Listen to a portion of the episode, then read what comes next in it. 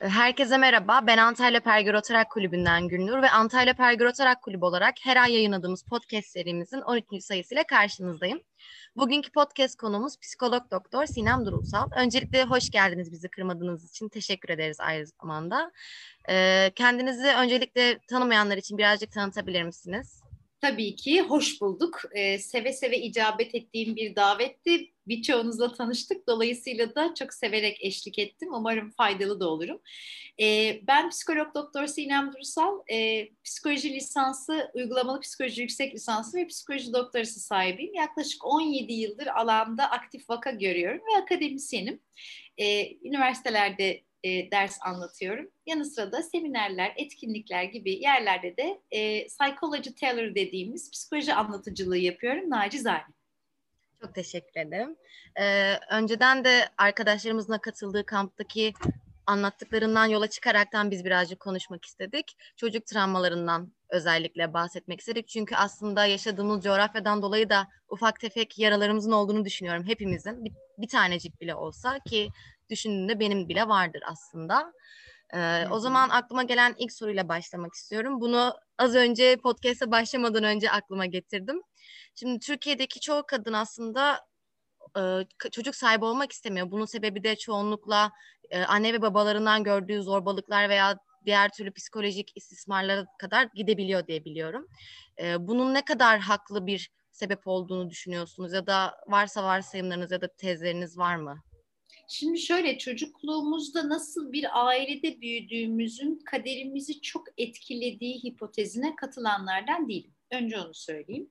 Ee, evet e, bazı talihsizlikler ya da bazı yaşam olayları geçirmiş ve geçirecek olabilmemiz mümkün ama e, sonrasında elde ettiğimiz bir muhakeme ve bir seçim e, vaziyeti de var. Bu sebeple aslında çözümü olan şeyleri bir kadermiş gibi kabul etmek e, ne kadar doğru bunu hala psikoloji bilimi tartışıyor. Şöyle ki e, maruz kaldığımız çocukluk deneyimlerinin yaşamamızda etkileri var mı? Muhakkak ki var. Fakat bunlar hep böyle devam etmesi gereken etkiler mi? Değil. Ufak müdahalelerle alınabilecek ufak psikoterapi e, desteğiyle e, üst, yani daha ziyade aslında acceptance and commitment dediğimiz kabul ve kararlılık ya da kabul ve adanmışlık deneyimiyle e, gerçekten değerlerimize odaklanabileceğimiz bir hayat yaşamak mümkün. Ben e, bu tür endişeleri çok iyi anlayabilen biriyim. Ya ben evladımı kaybettim, böyle bir tecrübe yaşadım. Ebeveynimden herhangi bir zorbalık görmedim ama e, e, evladımı kaybettikten sonra yaklaşık bir 3-4 yıl kadar yeniden çocuk yapmayı ben de istemedim.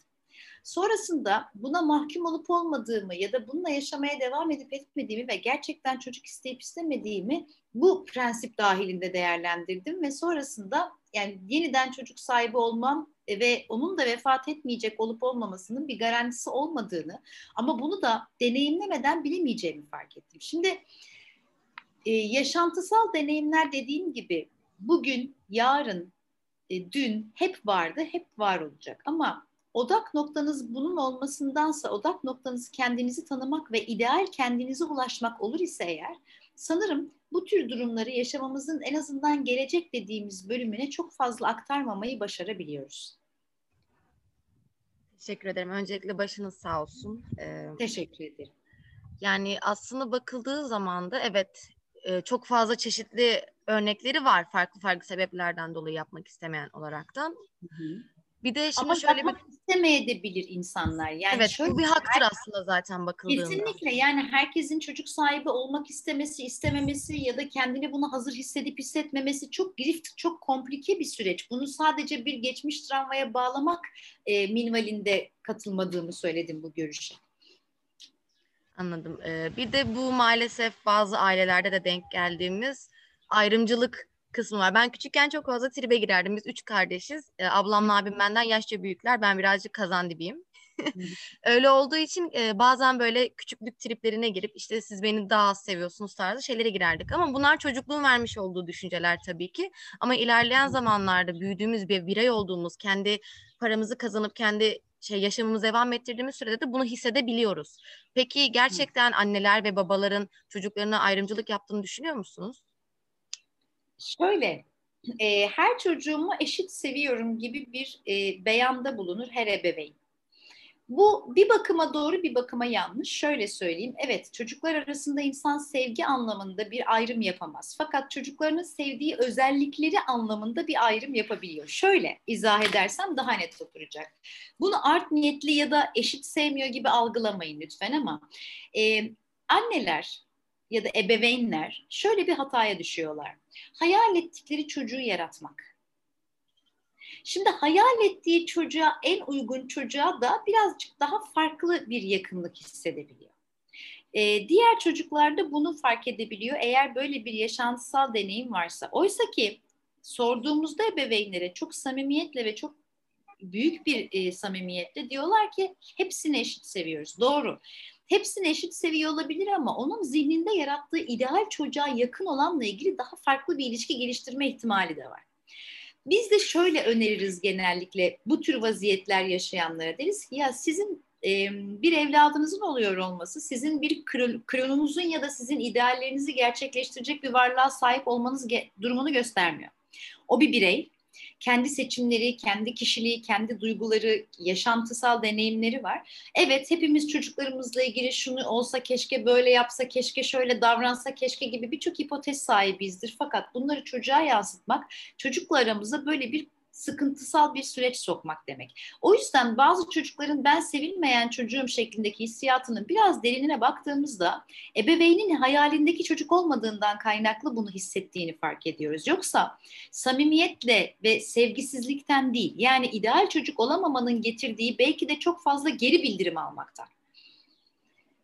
Yani toparlayacak olursam şu, hiçbir ebeveyn çocuklar arasında ayrım yapmaz muhakkak ki hepsi evlat ve hepsi çok kıymetli. Fakat idealine yakın olanı e, birazcık daha bu anlamda az eleştirdiği, diğerlerini biraz daha çok eleştirdiği için diğerleri kendini sevilmiyor ya da daha az seviliyor hissedebiliyor. Bu mümkün. Çok teşekkür ederim.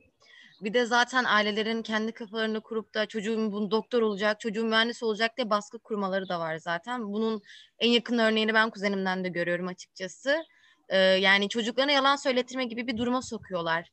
Peki aileler birazcık daha baskıcı olmasaydı daha rahat büyüyebilirler miydi çocuklar?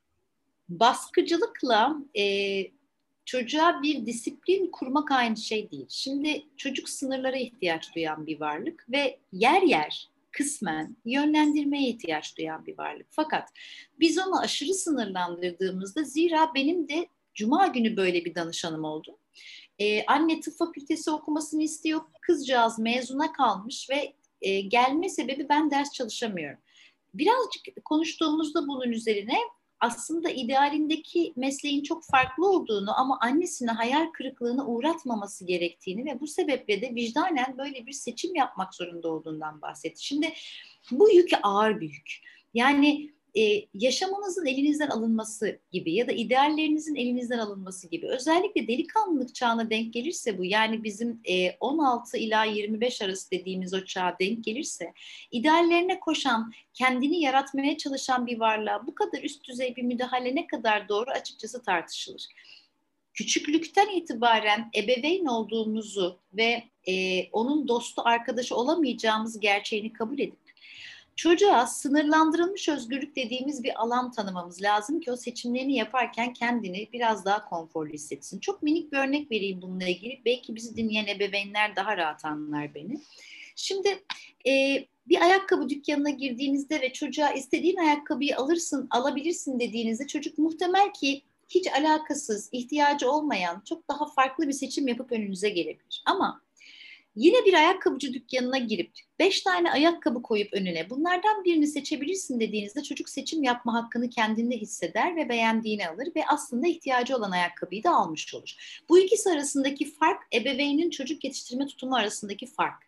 Çok aşırı özgürlük ya da çok aşırı baskıdan bahsetmiyoruz. Biz diyoruz ki çocuk seçim yapabilecek özgürlüğe sahip olabilmeli fakat yetişkin kontrolünde ve yetişkinin önerileriyle.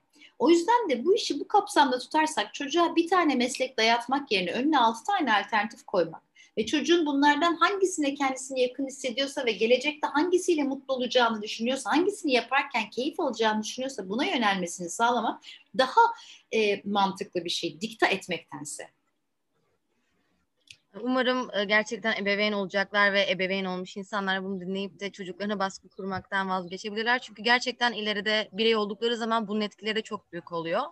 Ee, şimdi... Ebeveyn bunu bütün niyetle yapmıyor. Ebeveyn bunu şunun için yapıyor. Yaşadığımız coğrafyada belirli mesleklerin kazançları iyi. Belirli mesleklerin evet. mensubu olduğunuzda bir kimlik ve bir statü kazanıyorsunuz. Ebeveyn bunu kötü niyetle yapmıyor. Ebeveyn bunu çocuğum şu olsun da hayatı kurtulsun niyetiyle yapıyor. Fakat çocuğun gerçekte olmak istediği şeye de yakın bir şey olmalı ki bu optimal bir e, dengede buluşmuş olalım. O yüzden de hani diyorum ya birkaç alternatif hatta belki 7-8 alternatif ve bunun üzerine konuşarak çok daha e, iyi bir gelecek planlaması yapılabilir. Zira e, bizim ülkemizde üniversite sınavına giriş yaşı 17-18'e tekabül ediyor. Şimdi 17-18 yaşında dünyayı daha tam tanımamış bir çocuğun ne istediğini bilmemesi de normal.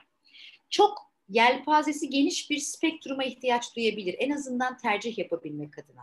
Bu sebeple biraz önceki ayakkabı örneğini verdim. Hani bir şeyi, bir mesleği dikte etmektense birçok seçenek sunup kendisine hangisine yakın hissettiğini ve kararı kendisinin vermesi gerektiğini söylemek çocukta hem motivasyonu arttırır hem de bir konfor alanı, bir seçim alanı sağlar. Teşekkür ederim. Şimdi bir, bir, soracağım soru çok derin bir soru. Maalesef bu çok kötü bir gerçek aslında bakıldığında.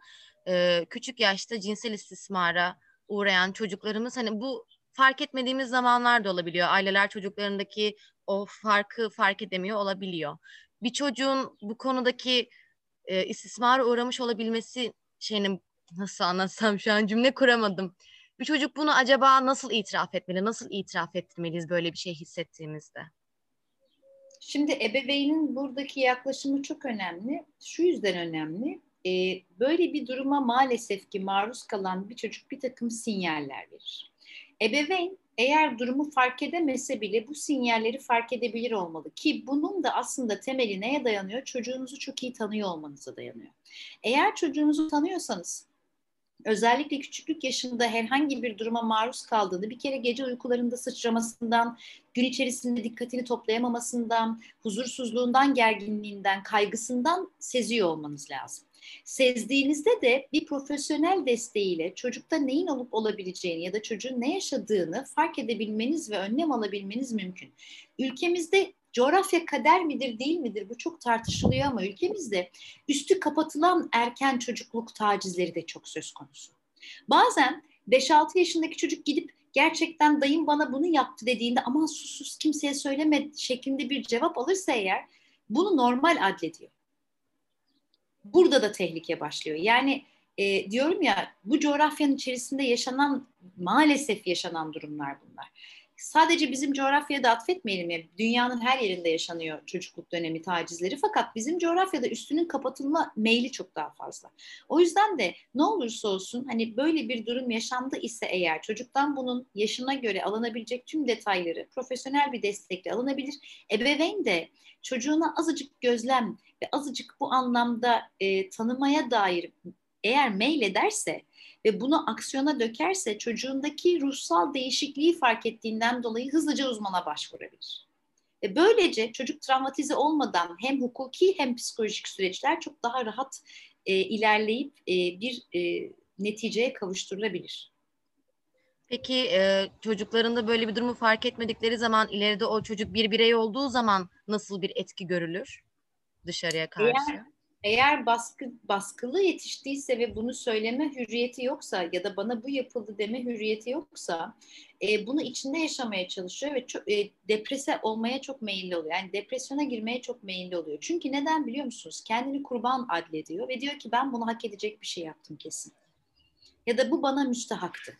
Şimdi dolayısıyla böyle bir algıya girdiğinizde yaşanan şeyin aslında belki de sizin yüzünüzden olduğu gibi bir ihtimale inanmaya başlıyorsunuz. Bu da depresyona sürükleyen en önemli etmenlerden biri. Zira e, yapılan son araştırmalara göre bu sebeple yaşamına son vermek isteyen yani intihar eden vaka sayısı da çok.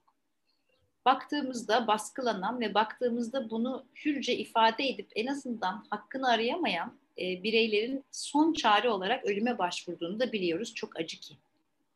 Evet, maalesef. Ee, peki şimdi çocukluk travması dediğimiz çok e, önemli bir detay aslında. Daha düzgün bireyler yetiştirebilmek adına.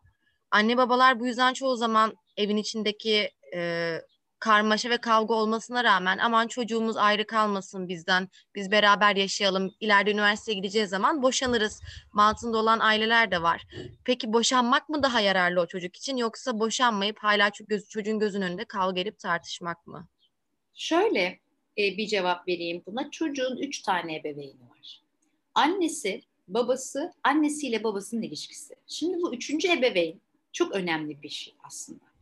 Ee, eğer bunu kaybettiyse aile, anne baba arasındaki o iletişim koptuysa ya da artık bir şekilde mutsuzlaştılarsa, toleransları düştüyse ve birbirlerine tahammülleri yoksa çocuk üçüncü ebeveynden ve en önemli ebeveynden mahrum demektir o ilişkiden. Bunu gözlemleyemeyeceği ve bunu sentezleyemeyeceği için aslında ayrı evlerde yaşayan ama daha huzurlu iki ebeveynle büyümesi çok daha sağlıklı. Fakat boşanma sürecinin de çocuğa bunun aktarılma sürecinin de yine yaşa göre düzgün planlanması lazım. Mesela en önemli kriterlerden biri çocuğun düzeninin en azından bir yıl kadar değişmemesi gerektiği. Bir ebeveyn evden çıkabilir ama çocuğun düzeni, okulu, osu, busu hiçbir şey değişmemek suretiyle. Dolayısıyla e, aynı evde yaşayan ama üçüncü ebeveyni kaybetmiş bir anne baba söz konusuysa eğer ki belki bir çift terapisiyle vesaireyle de düzelemeyecek kadar kötü durumdaysa yani ayrılık kaçınılmazsa bunu ertelemektense gerçekleştirmek çocuğa çok daha sağlıklı bir e, yaşam ve çok daha sağlıklı bir hal sunuyor diyebiliriz.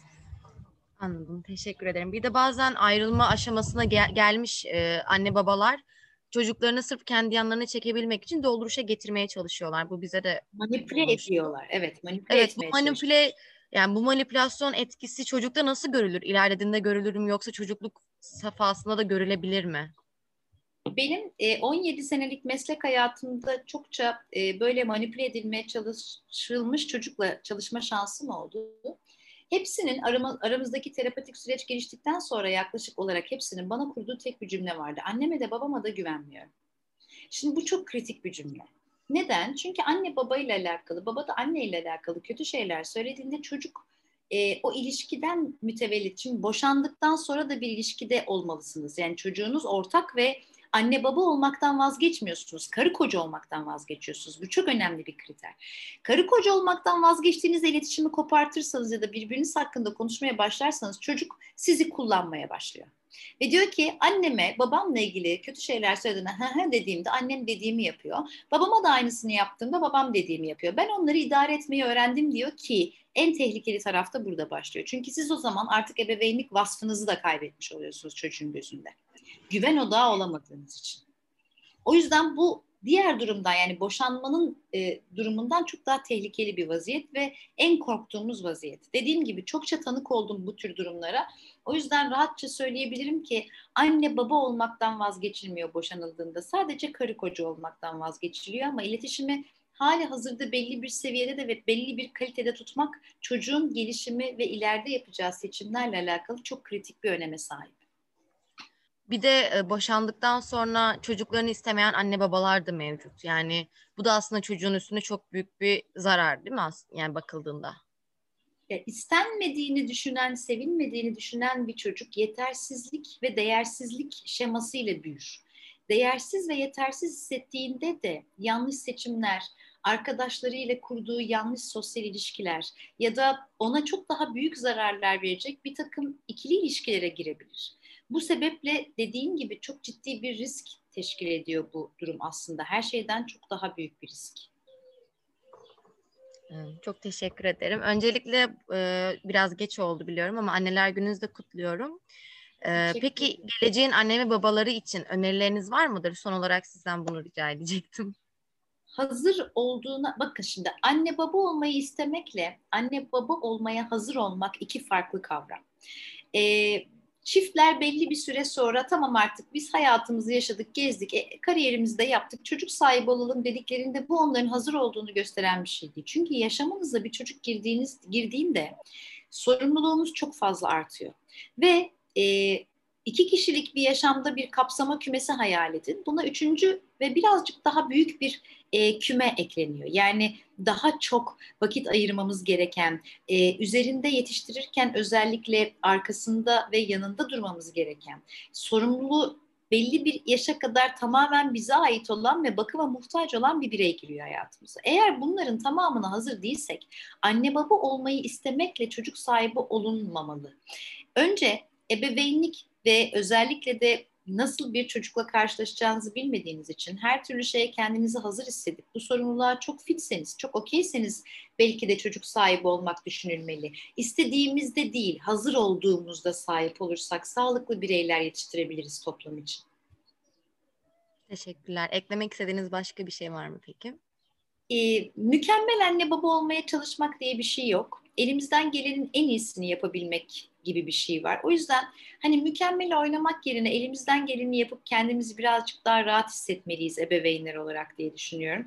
Bir de kıyastan mümkün olduğunca kaçınmalıyız. Yani hiç kimsenin ebeveynliği hiç kimseninkiyle kıyas kabul etmez. Hiç kimsenin evladı da hiç kimseninkiyle kıyaslanmamalı zira.